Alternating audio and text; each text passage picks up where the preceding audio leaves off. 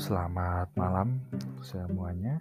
Kita ketemu lagi di kuliah Knowledge KS.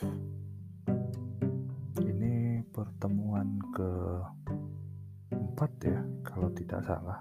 Nah, sebetulnya saya merencanakan untuk uh, di pertemuan keempat itu saya mengundang bintang tamu. Wah, cuman karena satu dan lain hal uh, materi yang belum siap dan lain sebagainya maka saya sedikit berubah. Ini tanggal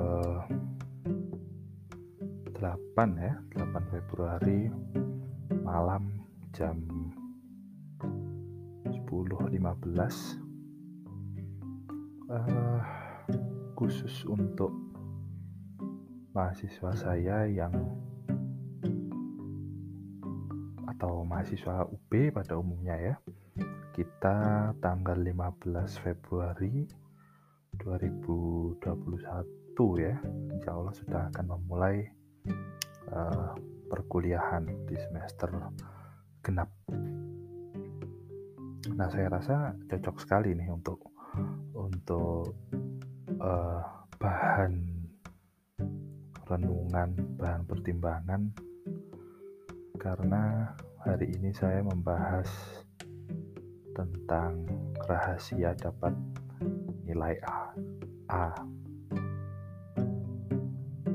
Mungkin uh, banyak ya bukan mungkin ya saya rasa pasti semua uh, Anda saya juga dulu kuliah tujuannya inginnya dapat nilai yang bagus IPK yang tinggi karena uh, mau tidak mau suka tidak suka memang itu jadi salah satu acuan atau mungkin tahap awal lah ya dalam seleksi pekerjaan.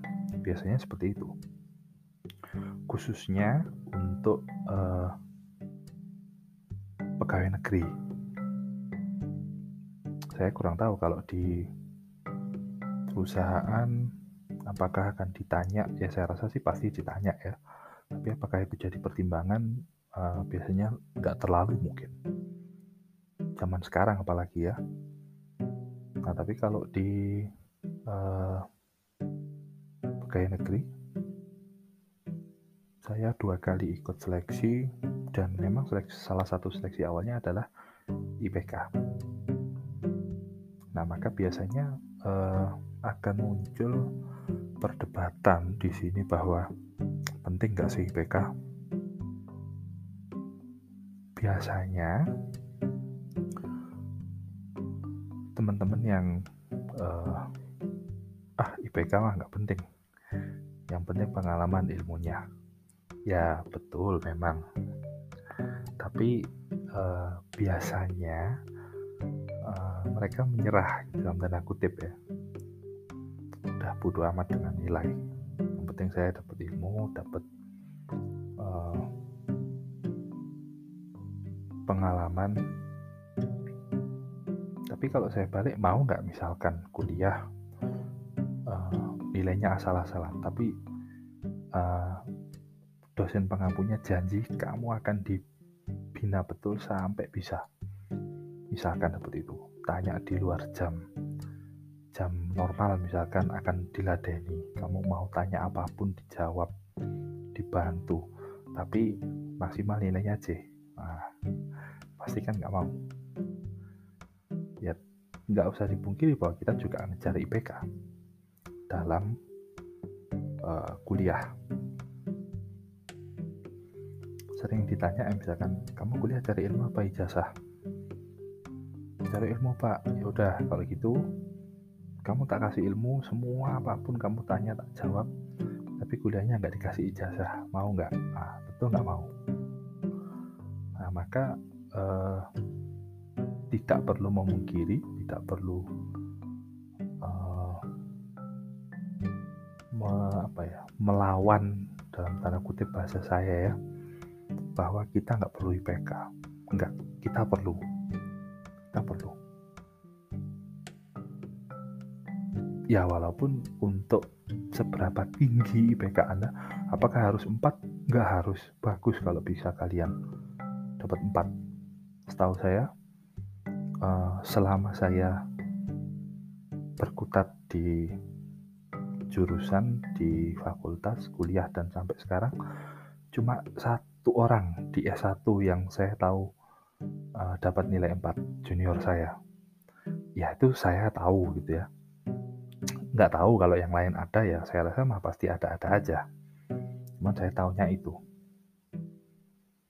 Nah uh, mungkin untuk kalian yang mahasiswa baru masih uh, apa ya bingung masih nggak yakin ini IPK sebetulnya sistemnya seperti apa sih?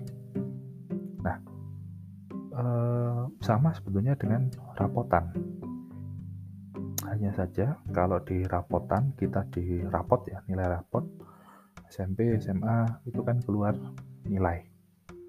Matematika dapat berapa?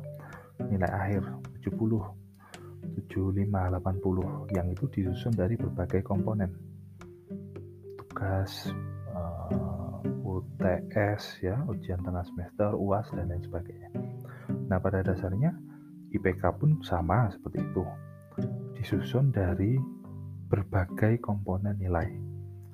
Jadi indeks prestasi kumulatif ya namanya kumulatif ya di akhir nanti. Nah indeks prestasi kumulatif itu disusun berdasarkan indeks prestasi yang Anda dapat di masing-masing semester. Kira-kira seperti itu. Dan masing-masing nilai IP di atau IP indeks prestasi di tiap-tiap semester itu uh, kemudian disusun dari nilai masing-masing mata kuliah. Kita breakdown lebih kecil lagi. Nilai dari masing-masing mata kuliah itu disusun berdasarkan berbagai aspek ada penilaiannya. Ya sama sebetulnya dengan rapot kan. Ada kuis tugas eh, UTS UAS dan itu ada standarnya sebetulnya. Ada standarnya uh, Anda coba baca di buku pedoman untuk kuis berapa persen untuk UTS berapa persen untuk UAS berapa persen nilainya ya ya walaupun nanti ketika itu dikembalikan ke dosen mata kuliah uh, menjadi wewenang beliaunya. Sistemnya apakah mau pakai yang sudah disediakan oleh jurusan atau ada pertimbangan sendiri. Seperti itu. Dan itu nanti akan membentuk nilai Anda di akhir. Nah, terus kalau misalkan saya pengen nih dapat IPK yang bagus. Caranya gimana? Gampang. Isi aja atau pastikan bahwa tiap mata kuliah yang Anda ambil itu dapat A. Gampang kan? Kalau semua mata kuliah Anda dapat A, IPK Anda pasti 4. Termasuk skripsi dan KKN ya. Gampang. Pokoknya semua A pasti 4 Uh, kalau hitung-hitungannya saya agak lupa, tapi seingat saya A itu skornya 4. Kemudian kalau nggak salah itu B plus itu tiga setengah, B itu 3 dan lain sebagainya. Nah nanti IPK Anda akan dihitung berdasarkan pembobotan itu. Berapa yang dapat A, berapa yang dapat B plus, berapa yang dapat B, C plus dan seterusnya.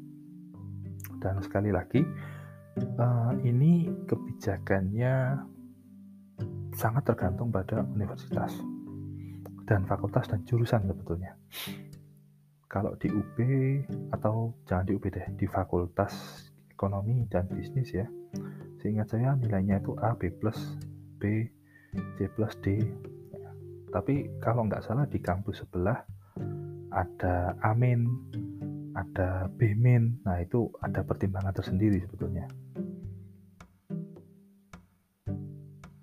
Nah, uh, nanti ketika Anda uh, menyelesaikan satu semester nah itu kan lihat IP-nya berapa?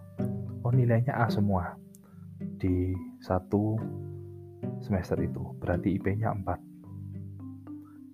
IP semester 1 berapa? 4 semester 2 katakanlah 4 uh, semester 3 tiga setengah misalkan dan seterusnya.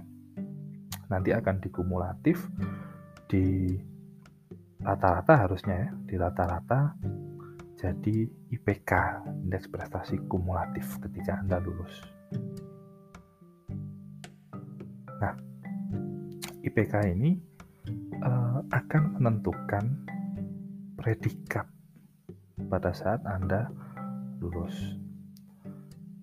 Ada saya lupa ininya ya urutannya, pokoknya memuaskan, sangat memuaskan dengan pujian kalau nggak salah seperti itu. Masing-masing jenjang, masing-masing level itu ada persyaratannya, memuaskan minimal IP-nya berapa dan syarat lain sebetulnya masa studi kemudian nilai uh, eh, CC plus dan lain sebagainya kemudian sangat memuaskan nanti standarnya beda lagi dengan pujian beda lagi dan itu kalau tidak salah itu bisa berubah bisa berubah saya uh, ketika S1 uh, predikatnya dengan pujian. IPK saya 3,57 kalau nggak salah ngepres dengan nilai skripsi A. Kemudian masa studi 8 semester. Uh, walaupun molor dikit untuk yudisium saja, tapi uh, untungnya itu nggak di dihitung sebagai masa studi karena ya karena memang satu dan lain hal. Pendaftaran tutup uh, sorry uh, semester 8 berakhir saya belum daftar yudisium. Akhirnya harus bayar uh, untuk buka saja tapi setelah yudisium uangnya dikembalikan. Nah, peraturan itu juga berbeda uh, subject to change ya bisa berubah-ubah. Kalau dulu persyaratannya kalau tidak salah tadi ya di atas 3,5 kemudian skripsi dapat A seingat saya dan di bawah masa studi. Maka itu dengan pujian. Kalau seingat saya di ekonomi sih kasta tertingginya itu ya. Memuaskan sangat memuaskan dengan pujian. Uh, kalau di luar kayak summa cum laude ada magna cum laude saya nggak apal. Uh, intinya beda-beda deh. Kalau di kita ya dengan pujian itu cum laude. Ya. Uh, di ekonomi. Itu saat saya kuliah S1 S2 sayangnya saya tidak bisa mendapat predikat dengan pujian. Padahal IPK saya jauh lebih tinggi 3,9 dengan masa studi on time hanya saja ada syarat menerbitkan dua jurnal Nah, itu yang sebetulnya jurnal saya juga dua, cuman satunya terbit setelah ujian. Nah, itu itu mengganjal. Dan ya saya agak jengkel tapi ya sudahlah. Mau gimana lagi kan, memang peraturannya kayak gitu. Uh, apakah itu penting? Ya buat saya penting kalau buat saya. Karena paling tidak bisa wah dapat nih nah, kayak gitu. Tapi pun sebetulnya juga nggak apa-apa. Ya kira begitu. Nah, sekali lagi kalau kalau di ekonomi yang setahu saya ya cuma tiga ya memuaskan, uh, sangat memuaskan dengan pujian. Cuma itu nanti ada kalau di luar khususnya di luar negeri uh, nanti ada jenjangnya lebih banyak. Summa cum laude, magna cum laude tadi cum laude yang biasa dan ya banyak deh nanti Anda bisa browsing sendiri. Nah, maka eh, kita kembali ke tadi selama kuliah. Apakah Anda mencari nilai A itu hanya untuk predikat saja? Misi yang lain? gimana sih caranya dapat nilai A? ya jelas masing-masing dosen memiliki standar ada uh, barnya kira-kira begitu kamu bisa melewati bar itu oke okay, kamu dapat A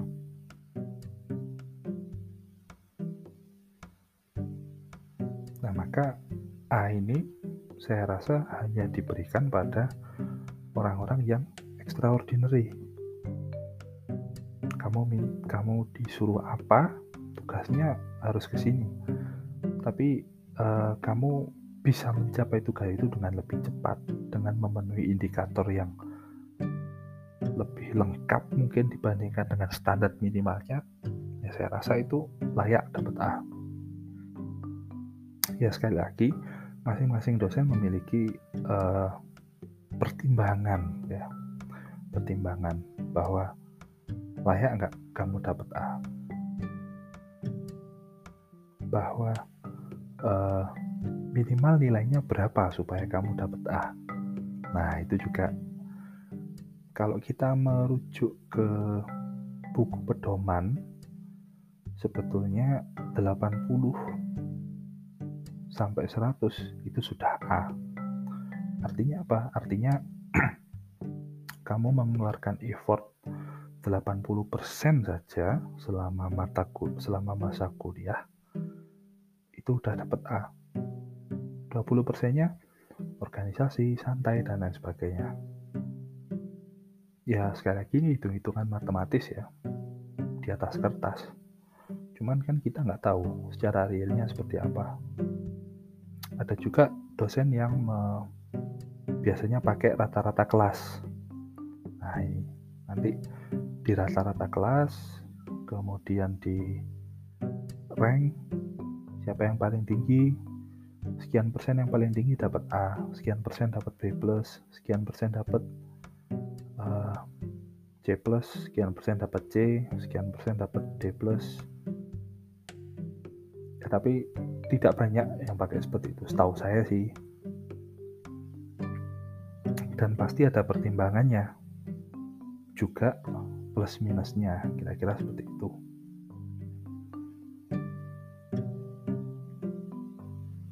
Nah, maka uh, selama Anda effortnya tinggi, effortnya bagus, saya rasa nggak terlalu sulit dapat nilai A. Apalagi kalau tadi ya, Anda ingin dapat A itu tujuannya apa? Apakah hanya untuk kumulot saja? Kalau hanya kumulot saja, uh, Anda bisa memfokuskan di satu atau dua semester saja. Saya kembali ke masa kuliah S1 saya. Uh, saya dapat IP di atas 3,5 selama 8 semester itu itu cuma tiga kali. Semester 1 itu IP saya 3,7 kemudian semester 7 dan 8 itu masing-masing 4 karena di semester 7 dan 8 yang saya ambil cuma masing-masing satu KKNP sama skripsi. Dua-duanya dapat A otomatis karena mata kuliahnya cuma satu ya otomatis 4 langsung. Sementara semester 2, 3, 4, 5, dan 6 itu saya tidak mendapat di atas 3,5 bahkan eh, 3, ya 3,3, 3,2, 3,1 nyaris 2, tapi nggak apa-apa itu bukan bukan wah saya dapat 2, kayaknya dunia udah hancur. Nggak juga. Saya lulus S1 itu ada mata kuliah yang C kok seingat saya. Satu atau dua. Yang yang pasti saya ingat satu. Uh, apa manajemen investasi ya? Saya lupa. Pokoknya ada satu. Dan berkaitan dengan manajemen. Itu mata kuliah uh, pilihan saya kembalikan tadi. Anda cari nilai A oke. Okay.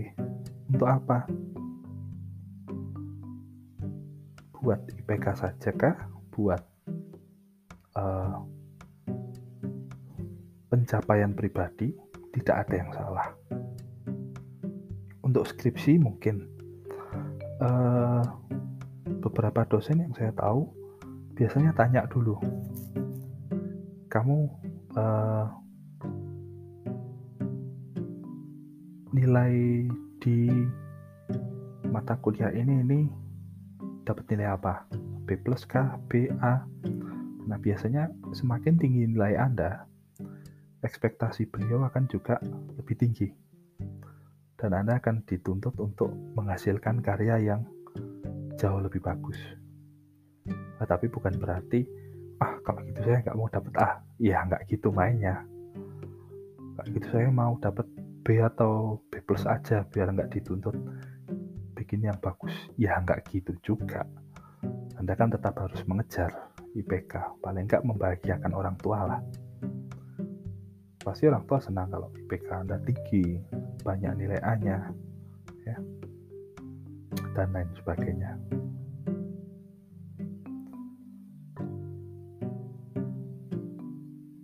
Kalau bisa saya ringkas, penting dapat nilai A, penting. Penting nggak dapat IPK tinggi, penting buat saya.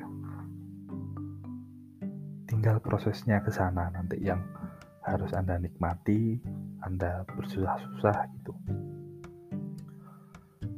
Sekarang gimana caranya dapat nilai A? Kembali lagi tadi. Anda diminta apa sama dosen yang bersangkutan? Kasih lebih. Keluarkan effort terbaik Anda. Yang penting Anda sudah berusaha. Kalau ternyata memang memang uh, Anda pikir bahwa kok nggak cocok ya, saya kayaknya effortnya udah ada, tapi kok nilainya B. Saya yakin kalau Anda tanya dengan baik-baik, pasti akan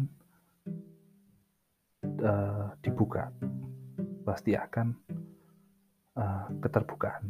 Anda akan dijelaskan nilainya dari sini loh, komponennya ini 1, 2, 3. Anda nilainya kurang di sini. 1 2 3 maka menurut perhitungan nilainya adalah sekian.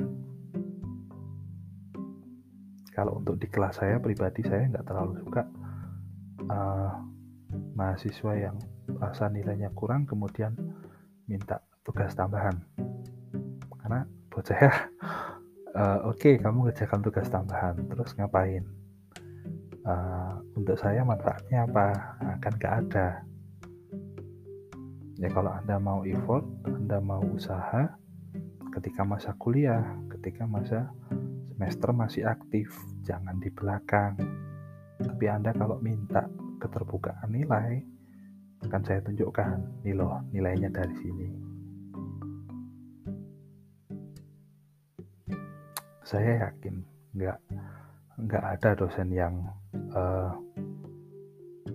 sebetulnya ya mau nggak nggak me, pokoknya anak ini nggak lulus gitu. Nah, itu nggak ada.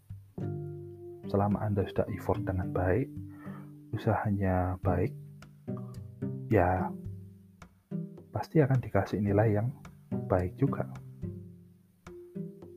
Karena eh, sebelumnya seingat saya sudah saya bahas bahwa ketika ada mahasiswa yang lama lulusnya uh, eh, IPK-nya jelek itu nanti juga akan berpengaruh ke jurusan kinerjanya. Saya sendiri secara personal uh,